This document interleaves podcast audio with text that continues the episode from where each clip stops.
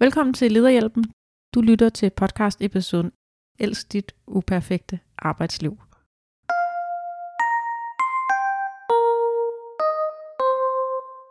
Velkommen til Lederhjælpen. Vi skal i dag tale om, hvordan du kan elske dit uperfekte arbejdsliv, og hvorfor det måske er en meget god idé at gøre det. Vi skal øh, tale om, at hvis du føler, du har for meget arbejde som leder, hvad kan du så gøre ved det? Altså sådan ud over at arbejde igennem eller få time management værktøjer. Vi kommer her i podcasten til at tale om, hvad din psyke betyder for din trivsel, og vi kommer til at tale om, hvordan du kan finde mental ro, og hvad det betyder, hvis du lykkes i at finde mental ro med dit uperfekte arbejdsliv. Og øh, så kommer det til at handle om at komme overens med et arbejdsliv, der nok aldrig bliver rigtig perfekt. Mit navn det er Gita Maja Laguarte. Overfor mig der står som altid Ane Jægersborg. Tilsammen udgør vi Lederhjælpen. Velkommen til.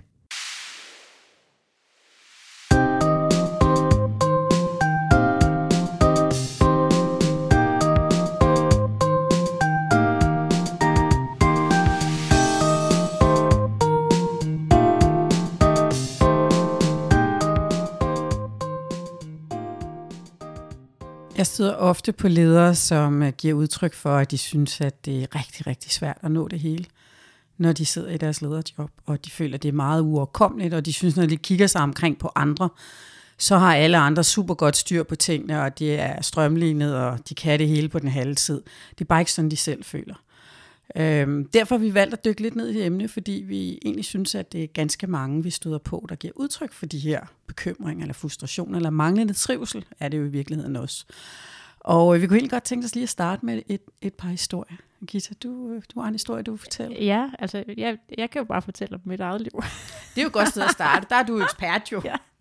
og øh, jeg, jeg ved, altså det er slet ikke sikkert, at det er sådan, er symptomatisk for, øh, for resten af lederne i Danmark, men jeg kan i hvert fald sige for mig selv, jeg synes da, at, at den der sådan, liste over ting, jeg ville ønske, jeg havde tid til at gøre på arbejdet, altså projekter, jeg burde bruge mere tid på, medarbejdere, jeg burde have mere tid til, øh, kunder, jeg burde være mere synlig overfor. Altså listen er virkelig, virkelig, virkelig lang i forhold til alle de ting, jeg rigtig gerne vil gøre i den perfekte verden antallet af e-mails, der tigger ind hver dag, øh, for så slet ikke at nævne øh, børn og avler og alle mulige andre ting, der ligesom kommer på toppen af det. Altså, det kan godt være ret uoverskueligt, og man godt sådan... Øh, nogle dage, selvfølgelig, der er det bare perfekt, og alt kører, man er glad, men andre dage kan man godt blive fanget sådan lidt af en følelse af utilstrækkelighed, eller en følelse af, at man ikke rigtig gør det godt nok, eller at i den bedste af alle verdener, der havde man fem timer ekstra hver dag til lige at få gjort tingene rigtigt og godt nok og komme i bund med tingene. Øhm, og det er sådan, det er egentlig lidt vildt at tænke på, altså at, øh, at vi lever i en verden, hvor at man på den måde føler sig utilstrækkelig i sit job. Når du fortæller din historie, Gisa, så kommer jeg til at tænke på en øh, post, der dunkede op i mit øh, LinkedIn-feed i går, øh, som var fra en, øh, en leder, som havde postet et screendump af sin indbakke. Og, og det, som han skrev, det var, jeg har ikke noget i min indbakke. Juhu, eller noget altså, i den altså, stil. Ikke, nogen, ikke nogen e-mails? Ingen e-mails. Der var simpelthen tomt på alle hylder. Øh, der var ikke noget, der ikke var håndteret. Han var i bund, han havde rent bord. Jeg tror faktisk, at rent bord var ordet, der gik igen. Ja. Øh, og det stoppede jeg lidt op ved at tænke, okay, det er jo lidt interessant, når det er en LinkedIn-post værdig, at man ja. har rent bord. Og det er jo et meget godt udtryk for, hvor atypisk det ja. formentlig er, øh, når det er noget, der kan få opmærksomhed på den måde. Fordi hvis der var nogen, der havde postet, jeg har 100 ubesvarede e-mails i min indbakke, så ville der formentlig være det hele her, at nogen, der sagde ja, og ja. Ikke? det har vi også. Ja. Men det her med, at der faktisk er en leder, som vælger at poste, jeg har rent bord, ja. det, det tænker jeg, det er sådan et godt udtryk for, hvor usædvanligt det måske i virkeligheden er. Men ja. det er jo heller ikke nødvendigvis det, man skal stræbe efter. Nej, men jeg tror faktisk også, når vi sådan lige snakker om e-mails, øh, at øh, der er også sket noget fra, at vi er gået fra postgange til e-mails. Altså, jeg, jeg, jeg kan huske begge dele, men jeg har nok levet mest i e-mail-tiden, men jeg kan godt huske fra mine første år på, på arbejdsmarkedet, der var det post, mm. man brugte, og der på var papir. intern post, der blev hentet øh, en eller to gange om dagen og omdelt osv. Men nu her med e-mails, ikke? altså Gud og hver mand er CC på alt muligt L-O-R-T, og øhm, og der bliver skrevet mails med halve og hele, altså halve sætninger eller to korte sætninger øh, ud til 15 personer, som så, så alle sammen lige skal svare et eller andet, og pludselig så har du 20 e-mails i en tråd, øh, som pløjer din inbox fuldstændig til.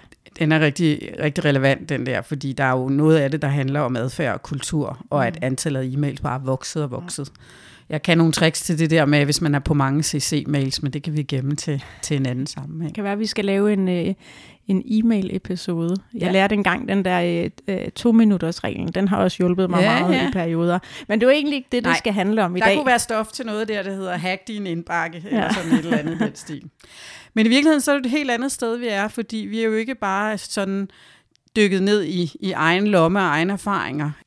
En ting er jo, hvad Gitas og mine erfaringer er, men vi har faktisk kigget ud øh, og spurgt nogen, som ved noget omkring, hvad er det, der sker for ledere, når øh, man går rundt med følelsen af at have for meget at lave, eller øh, måske ikke trives i sit lederjob.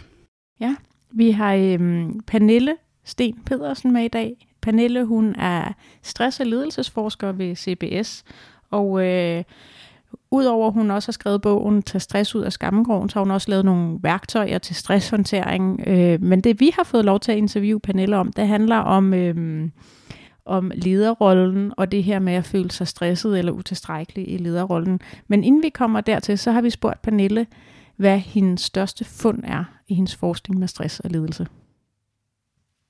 Mit allervigtigste fund er, hvor stor betydning andre mennesker har for ens trivsel, og hvordan at det at skulle leve op til egne og andres forventninger er både kilde til det, der kan gøre os enormt glade og stolte ved at gå på arbejde, men også kilde til en potentiel truende stress. Det har overrasket mig i min forskning, hvor dybgående menneskers afhængighed af hinanden er.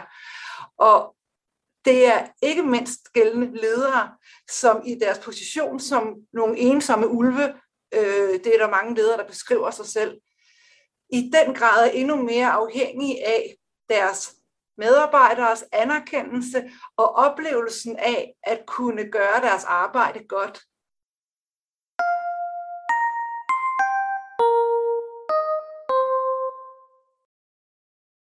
Når vi lytter til det, Pernille siger her, og det de øh, fund, hun har gjort i sin forskning, så handler det jo om alt muligt andet end e-mails faktisk. Og det handler om alt muligt andet end de facto bunker på, på bordet og rent skrivebord. Det handler jo i virkeligheden om den sammenhæng, vi indgår i. Mm. Og ja. det, altså det kollegiale, det organisatoriske, det mellemmenneskelige, nu bliver det meget filosofisk, men, men, men altså det, der handler om relationerne til andre, synes jeg, hun har nogle vigtige pointer. Ja, og det er jo også noget, hvor at, at lederrollen og, og dig, der sidder med et job som leder, skiller sig lidt ud i forhold til, hvilken social pagt, der ligesom er mellem kollegerne. Det er i hvert fald noget, jeg kan huske fra mig selv, dengang jeg gik ind i mit allerførste lederjob. At øh, pludselig var jeg ikke øh, en af medarbejderne længere. Jeg var en af lederne på arbejdspladsen. Du var ikke one of the guys ja. eller girls. one of the girls. Øh, men, øh, men det betød faktisk noget, at jeg kan, jeg kan huske en følelse af ensomhed fra min første lederår.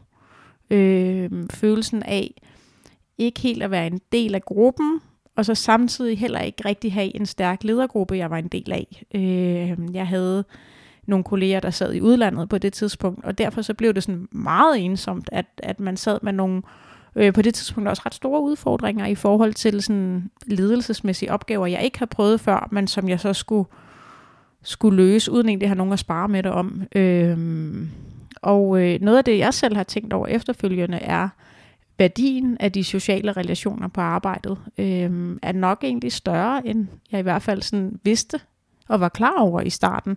Og, øh, og det har nok rykket mig til et sted, hvor jeg tænker, at det her det er noget, det faktisk giver meget god mening at investere lidt i, og bruge lidt tid på at også pleje øh, relationer øh, på arbejdspladsen, både til medarbejdere at have sine folk tæt på sig, men, men også til ledere, kolleger og, og øhm, måske mennesker på ens arbejdsplads, som man ikke nødvendigvis arbejder med, men som man bare har det godt socialt med, og som det derfor giver mening at bruge lidt tid med.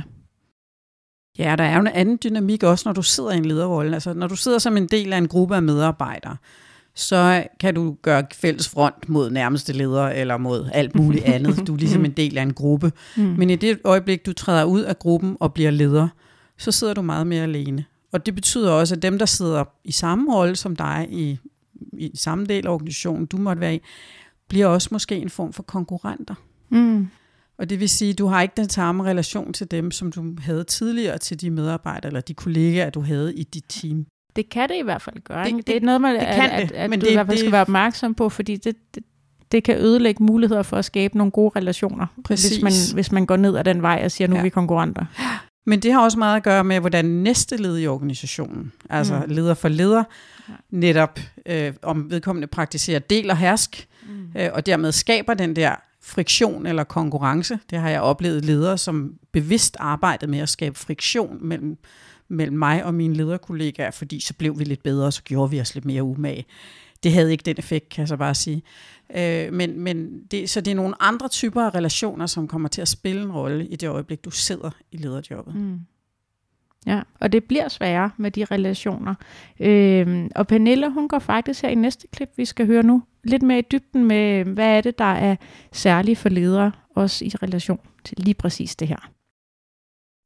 Og det, som så er særligt interessant, når vi snakker om den her fund med, hvor vigtigt øh, øh, andre mennesker er for ens øh, trivsel, så er det det, at når man sidder på afstand, som man typisk gør som leder, selvom man også har samtaler med medarbejdere og, og ser medarbejdere, så vil meget af den øh, oplevelse af, om jeg er kommet i mål med mit arbejde, være baseret på nogle forestillinger, man har omkring, er det, jeg har gjort som leder, er det blevet taget vel imod? Har jeg fået udviklet mine medarbejdere? Har jeg været der nok? Er jeg tilstrækkelig? Så det synes jeg er en spændende ekstra dimension til min forskning, når man tænker ledere ind, at jeg har fundet, at det her med, hvor vigtige vi er for hinanden, giver en både, hvad skal man sige, giver en, en ekstra udfordring for ledelsespositionen. Jeg synes jo, det er mega spændende, det hun siger, og også... Øhm, Tankevækkende. Ja, i mm. øvrigt også hendes, øhm, det hun har skrevet øh, i hendes forskning omkring relationen mellem skam og stress, øh, som vi kommer lidt ind på i en af vores tidligere podcast. Men, øh, men hvis vi nu skal tage de her ting, og så føre det over til, til dig som lytter, dig der sidder og lytter med, og tænker, at jeg vil egentlig godt, øh, jeg vil godt elske mit uperfekte lederliv lidt mere, end jeg gør i dag. Øh, hvad er det, hvad er det så, du kan gøre anderledes, eller hvad er det, du kan, kan overveje. Og, og noget af det, som jo øh, som Pernille ikke taler om, er jo ikke mængden af arbejdsopgaver, øh, men mere følelsen af utilstrækkelighed og relationerne, øh, den sociale sammenhæng, du indgår i som leder. Så noget af det, som du måske kunne, kunne starte med at overveje, øh, det er, hvem er dine gode kolleger? Hvis du tænker på de mennesker, der er på din arbejdsplads, så er der sikkert nogle af dem, som du klinger helt vildt godt med socialt, og så er der nogle, som du sådan klinger okay med, men nok ikke vil se privat. Øhm, men, men hvis du tænker lidt ind i de relationer, du har, hvem på dit job vil du så godt bruge mere tid med? Hvem på dit job kunne du godt tænke dig at styrke dine relationer til? Og øh, hvis du tænker sådan lidt ind i din hverdag, uanset hvordan du arbejder, hvad vil du så kunne gøre små ting i din hverdag, for at øh, styrke relationen til de mennesker, som du i forvejen måske nyder, eller nyder at bruge tid med, eller har det godt med. Øh, fordi det er faktisk nogle af de ting, som der i sidste ende kan påvirke din jobglæde rigtig meget, men også kan hjælpe dig ud af stressede situationer, eller øh, hjælpe dig der, hvor at du føler, at øh, bunkerne tårner sig op, eller du ikke ved, hvad du skal gøre. Dit sociale netværk der bliver rigtig vigtigt. Og det er simpelthen en, det er en investering, øh, og noget, som man selvfølgelig opbygger over tid, men noget, som som mange måske, vil jeg tro, også har tid til at neglekte lidt, eller til sådan ikke rigtig at tænke, det kan jeg altid gøre senere, specielt hvis du har travlt, så er det måske noget af det, man ikke rigtig får gjort.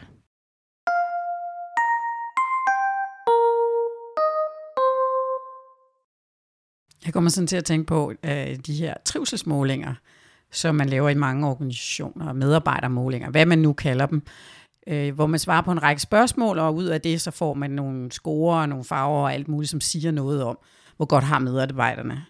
Og et af de spørgsmål, som, som jeg har stødt på, og som også har stødt mig på, hvis man kan sige det sådan, og det er nok fordi, det stammer fra måske en amerikansk øh, forlæg på et eller andet tidspunkt, at man har brugt det som udgangspunkt. Hvor spørgsmålet var noget i retning af, har du en bedste ven på arbejde? Ja, det er rigtigt. Den har og jeg, jeg også set. første gang jeg læste så tænkte jeg, nej, jeg har da ikke bedste venner på arbejde, det har jeg privat. Mm-hmm. Og jeg oplevede mange, øh, altså også i min organisation, som sådan altså tog afstand fra det og sagde, nej, vi har ikke bedste venner Ja, på svarer, arbejde. Jeg svarer i princip nej til det spørgsmål. Øh, og, og, og derfor kunne den altså kom til at score meget lavt. Ja. Men en af grundene til, at det spørgsmål faktisk blev stillet, det handler jo om, at hvis du har nogen, du føler dig godt tilpas med, nogen som du er fortrolig med, nogen du har tillid til, så betyder det noget for din trivsel.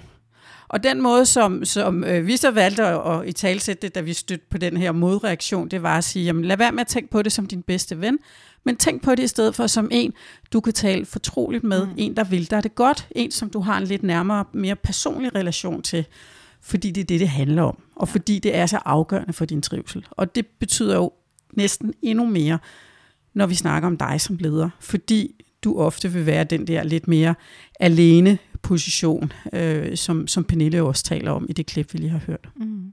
Det er sjovt, du siger det, fordi jeg har haft præcis samme oplevelse, øh, at det er sådan nogle employee engagement, tror jeg, jeg ved, hvad hedder det på dansk? Medarbejdertilfredshedsundersøgelse. Ja. Eller trivselsmålinger. Ja. Eller, ja. Har du, har du en bedste ven ja. på arbejdet? Og, og, og det er sjovt, for det er præcis de samme, sådan lidt, hvad er det for et underligt spørgsmål? Selvfølgelig har jeg ikke det. Jeg har kolleger på arbejdet. Ja. Øh, men jeg synes jo, altså jeg, selvfølgelig kan man oversætte det til at sige, har du en, du kan tale fortroligt med, men men vi kan måske også udfordre os selv lidt her. Du kunne også tænke, jamen, har jeg en, der potentielt kunne blive en rigtig god ven, om det så bliver en bedste ven, det, er altså måske lidt amerikansk at strække det til det, men, men, men faktisk har vi jo brug for nære sociale relationer, og øh, vi bruger jo sindssygt meget tid på vores arbejde, så hvorfor ikke få en ven på arbejdet? Hvad er der galt med det? Intet. Bortset fra, at når du er leder, så skal du være meget opmærksom på, hvem du er bedste ven med, hvis du har en bedste ven. Fordi hvis det nu for eksempel er en i dit team, ja. så kan det godt give dig nogle problemer. Det, det kan faktisk også give den bedste ven et problem. Jeg har set eksempler på nogen, som er blevet udnævnt til leder for et team, hvor de har faktisk haft en rigtig god ven eller veninde i teamet, og hvor det har handlet lidt om, hvordan, hvordan håndterer jeg faktisk det på en fornuftig måde, så vedkommende hverken bliver straffet eller belønnet for det, ja. både i de facto, men også i resten af teamets oplevelse. Men jeg oplevede faktisk også her for nylig en, som, øh, som jeg var mentor for, som øh, et af de temaer, vi talte om, det var, at hun oplevede, at hendes leder blev alt for personlig mm. i dialogen, og faktisk trak hende ind i nogle ting, som var sådan nærmest privat karakter, øh, og måske også kunne have nogle implikationer i forhold til hendes kollegaer, hvor hun faktisk oplevede, at lederen gik for tæt på, og blev lidt, ville være lidt for meget bedste ven. Og det er jo også en opmærksomhedspunkt. Så når du skal finde din bedste ven i organisationen, så tænk også lidt over, skal det, hvem skal det være i ja. forhold til både kemi og personlighed øh, og fælles gods, men jo også organisatorisk kontekst. Og på større arbejdspladser er der selvfølgelig flere muligheder for at kigge bredt, mens på mindre arbejdspladser, jamen, altså hvis du er 10 på kontoret, så er der ikke så mange at vælge imellem, mm. men du har jo samme behov for sociale relationer, uanset om du er på en stor eller en lille arbejdsplads. Og jeg tror måske i virkeligheden, det er accepten af det, som vi på en eller anden måde ikke taler så meget om. Altså, det er ikke noget, man sådan... Jeg er i hvert fald ikke rigtig stødt på det sådan i, i øh, min overgang fra studie til arbejdsliv til lederliv, at det er ikke noget, der sådan er blevet i talesat nogensinde af min leder. Har du, har du nogle venner på arbejdet, mm. eller har du hvordan med relationer? Så er der nogle sociale arrangementer og sådan noget. Det synes jeg til gengæld, i hvert fald de gode virksomheder, øh, jeg har stødt på, er rigtig gode til sådan at, at lave nogle sociale aktiviteter, der så gør, at man får de relationer. Øh, men det er ikke noget, vi taler så meget om vigtigheden af. Nej. Og der er også, nu kommer jeg igen her med de løftede pegefinger, ikke? Altså, eller faldgrupperne, eller hvad vi nu kunne kalde det. Den her med, at hvis du som leder tænker, at jeg er bedste ven med alle mine, mine medarbejdere. Og det kan man godt støde på virksomheder, mm. der har en kultur, hvor, hvor ledelsen ligesom tænker, at vi, vi er venner alle sammen. Den går altså heller ikke. Øh, det er også et opmærksomhedspunkt. Det kan i hvert fald give, uh, give bagslag. Ja, det kan det. Det altså, kan give den dag, problemer. Den dag, hvor du skal stå og lave en besparelsesrunde på 20 procent, der gør det godt nok ondt. Oh yes, oh yes eller skal uddele de spændende arbejdsopgaver, eller hvad det nu er. Der kan være mange ting, der spænder ben. Men pointen er i virkeligheden, at når du sidder som leder, så er det vigtigt, at du finder nogen, du kan tale med. Nogen, du kan øh, have en social kontakt til. Øh, nogen, som du kan spejle dig i. Nogen, du kan spare med. Nogen, du kan, der kan hjælpe dig med at, at sige, tage noget af, af byrden fra dine skuldre, mm. hvis du oplever, at det er belastende at være i lederjobbet. Ja. Og jeg, jeg har faktisk talt med flere ledere, øh, også i forbindelse med vores arbejde i The Leading Culture, om at altså, øh, øh, unge ledere i deres første lederjob, at der er det rigtig svært at finde balancen mellem personlig og privat. Øhm, og det er noget, der faktisk tager lidt tid for mange mennesker, lige sådan både at finde sine egne grænser for det, men også at mærke det på øh, sine medarbejdere. Øh, måske særligt der i skiftet fra at gå fra kollega ind i lederrollen, hvor man tidligere har haft en, en kollegial relation til dem, man så skal være leder for. Øh, så på den måde er det selvfølgelig noget, at, at du skal overveje at finde dig selv i, men, men jeg tror, jeg sådan med årene er blevet mere og mere fortaler for, at at øh, i talsætte det og være bevidst om det behov, som vi har som mennesker, og, øh, og måske også acceptere, at det faktisk har en afgørende indflydelse på, øh, hvordan det føles at gå på arbejde.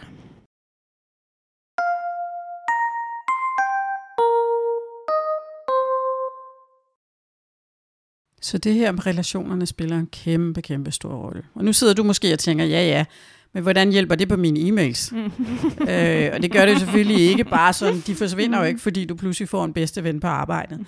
Øh, men det er også rigtig vigtigt at have opmærksom på, at oplevelsen af at være presset i sit arbejdsliv, oplevelsen af, at er jeg tilstrækkelig, leverer jeg det, jeg skal, er der for mine medarbejdere, handler langt fra kun om arbejdsmængderne. Og det er også noget, det Pernille har sagt lidt om. Hvis vi nu tror, at problemstillingen kun handler om for mange opgaver, så er løsningen jo lavere sætte opgaver ned. Hvad nu, når vi ikke kan gøre det? Måske så kan vi bare ikke gøre noget. Men ja, så det var der, hvor jeg prøver at sige, ja, for mange opgaver er et element i det her. Men der er noget, vi kan gøre noget ved på arbejdspladser ved at få fat i, at der også er en utilstrækkelighed og en oplevelse af, at man er den eneste, der har det sådan, fordi vi ikke får talt om det på arbejdspladserne, fordi vi ikke tør stå frem med den her øh, sårbarhed, som er medvirkende til, at man udvikler en dømmekraft, som bliver forringet, fordi man begynder at bedømme sig selv ud fra en standard, der er højere end hvad der er muligt. Og hvis du for lang tid går på arbejde som leder, eller det kan også være medarbejder, og ikke oplever dig tilstrækkeligt, og samtidig begynder at sige, det, du burde kunne gøre det, og alle andre har jo styr på det, hvornår finder de ud af det? Når du har de to sammen, og der så også kommer den her magtesløshed, og man begynder at få en opgivenhed, altså du kender godt i starten, jeg skal bare lige hen over weekenden. Men det, det bliver så erstattet af, det er alligevel håbløst, der kommer ikke til at ske nogen ændringer. Så falder hammeren.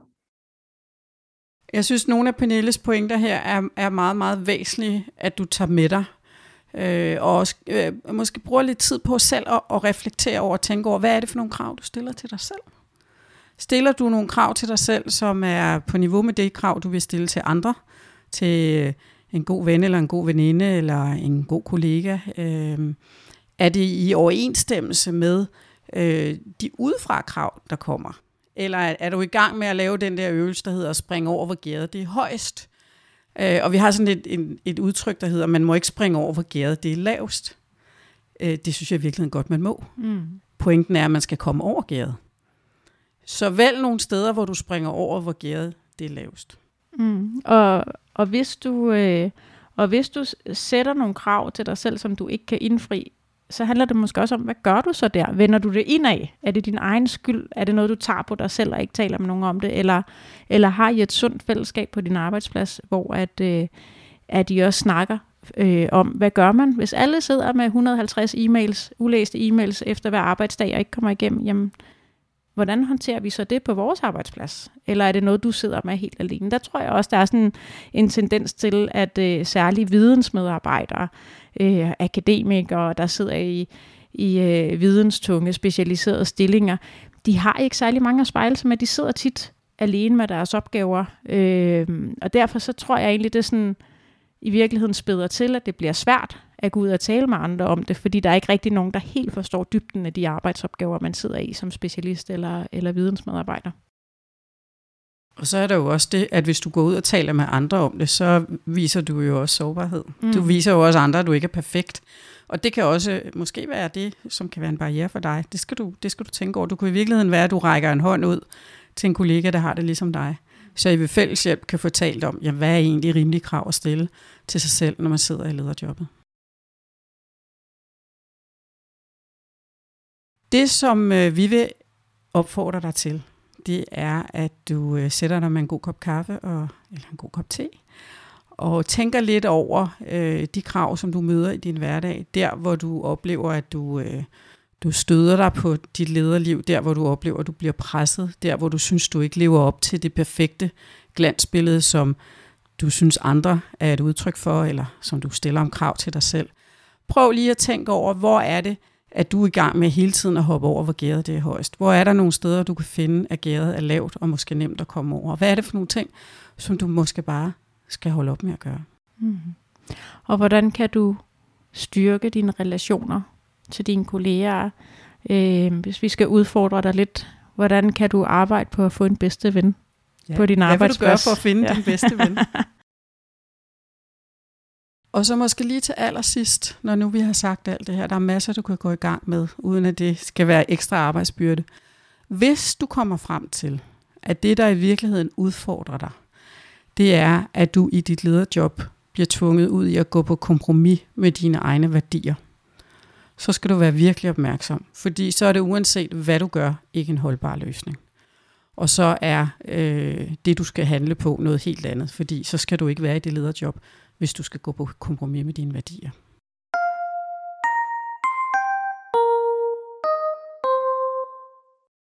Du har lyttet til Elsk dit uperfekte arbejdsliv fra Lederhjælpen. Du er velkommen til at hoppe ind i vores Facebook-gruppe Lederhjælpen. Du er også meget velkommen til at øh, give os nogle stjerner eller et like på podcastkanalen. Det hjælper os til at øh, komme ud til endnu flere mennesker. Og øh, så er du også rigtig velkommen til at sende os en besked, hvis du har et emne eller et tema, som du synes, vi skal tage op.